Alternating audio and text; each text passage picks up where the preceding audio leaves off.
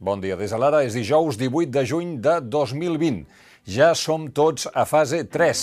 A partir d'avui tenim lliure circulació a tot Catalunya. Ja està publicat al BOE. I saben què?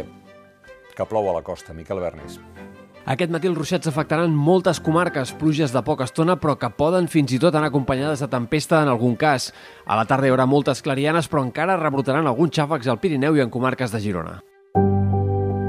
Doncs això que els dèiem, els catalans ja podem viatjar per tot el territori i, si és el cas, passar al pont de Sant Joan a la segona residència, sigui quina sigui la regió sanitària a la qual pertanyem a partir de la publicació, això ha passat a les 8 del matí, del canvi de fase de Barcelona i Lleida al butlletí oficial de l'Estat. Com deia, ja som tots en fase 3. I això passa abans del pont de Sant Joan, tal com havia demanat la Generalitat per evitar aglomeracions durant l'operació sortida.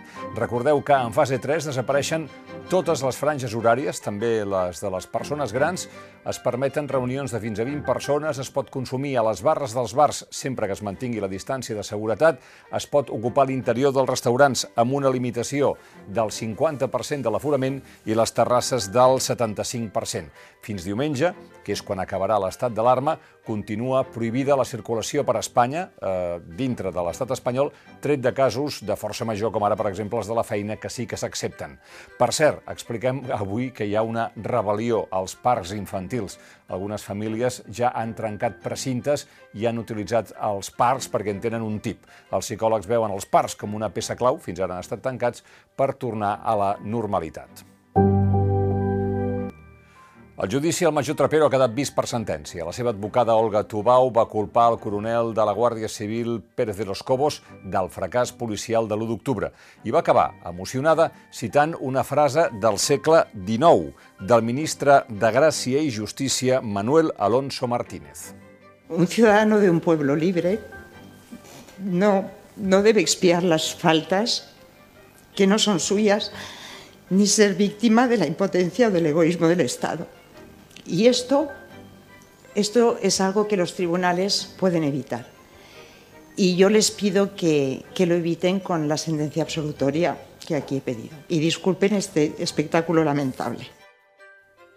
L'Ernesto Ekaizer, que considera Trapero cap de turc de l'Estat, escriu avui que és molt possible que el tribunal s'inclini per una sentència condemnatòria per desobediència, però no està garantit que aquesta sentència sigui dictada per unanimitat. I en aquest sentit, en Sebastià Zamora va més lluny al seu article.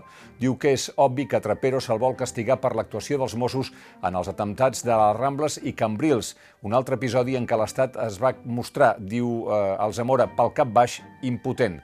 Les relacions de l'imam de Ripoll amb el CNI continuen sent secret d'estat i la Guàrdia Civil i la Policia Nacional creuen que Trapero els va deixar en evidència. Ahir al Congrés el PP va preguntar al govern espanyol si pensava convocar la taula de diàleg. Van a convocar la mesa exigida por Esquerra y, por cierto, ¿pretenden reservar en ella un lugar a Ciudadanos? Sí vamos a convocar la mesa de diálogo, porque es la única manera de encontrar una salida en nuestro marco constitucional y con la fórmula democrática tan exótica que es reconocer al otro.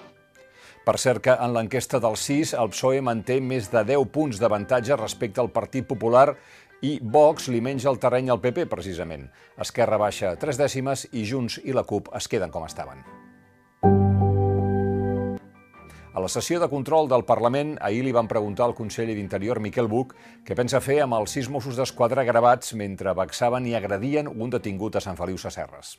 Quan tingui els noms dels autors i dels encobridors, si n'hi han, exigiré l'expulsió immediata del cos. Quan tingui els noms. Però ara entenc que són sis persones que estan investigades i que desconec si les sis estan implicades o si hi havia persones que allà no hi eren. De la pàgina econòmica destaquem que la cadena d'alimentació Ametller obre aquest juny dos restaurants a Barcelona. Un al supermercat insígnia de l'empresa del carrer Berlín i l'altre a la cafeteria-restaurant de la Casa Seat que s'acaba d'estrenar al 5 d'Oros, a Diagonal Passeig de Gràcia. El del súper compta amb plats de Nando Jubany o Josep Maria Cao i amb postres de Cristian Escrivà i gelats de la cadena de gelateries del germà petit dels Roca. Els articles que destaquem avui, el de Germà Bel, sobre la rebaixa de les taxes universitàries, on diu que els efectes de la rebaixa de les taxes eh, són molt regressius i no resoldran cap problema d'accés dels pobres. I malgrat la pandèmia, ahir es va presentar la temporada 2021 del Gran Teatre del Liceu. Inclou 13 títols, 8 dels quals escènics, i s'obrirà oficialment amb el Don Giovanni de Mozart el dijous 22 d'octubre.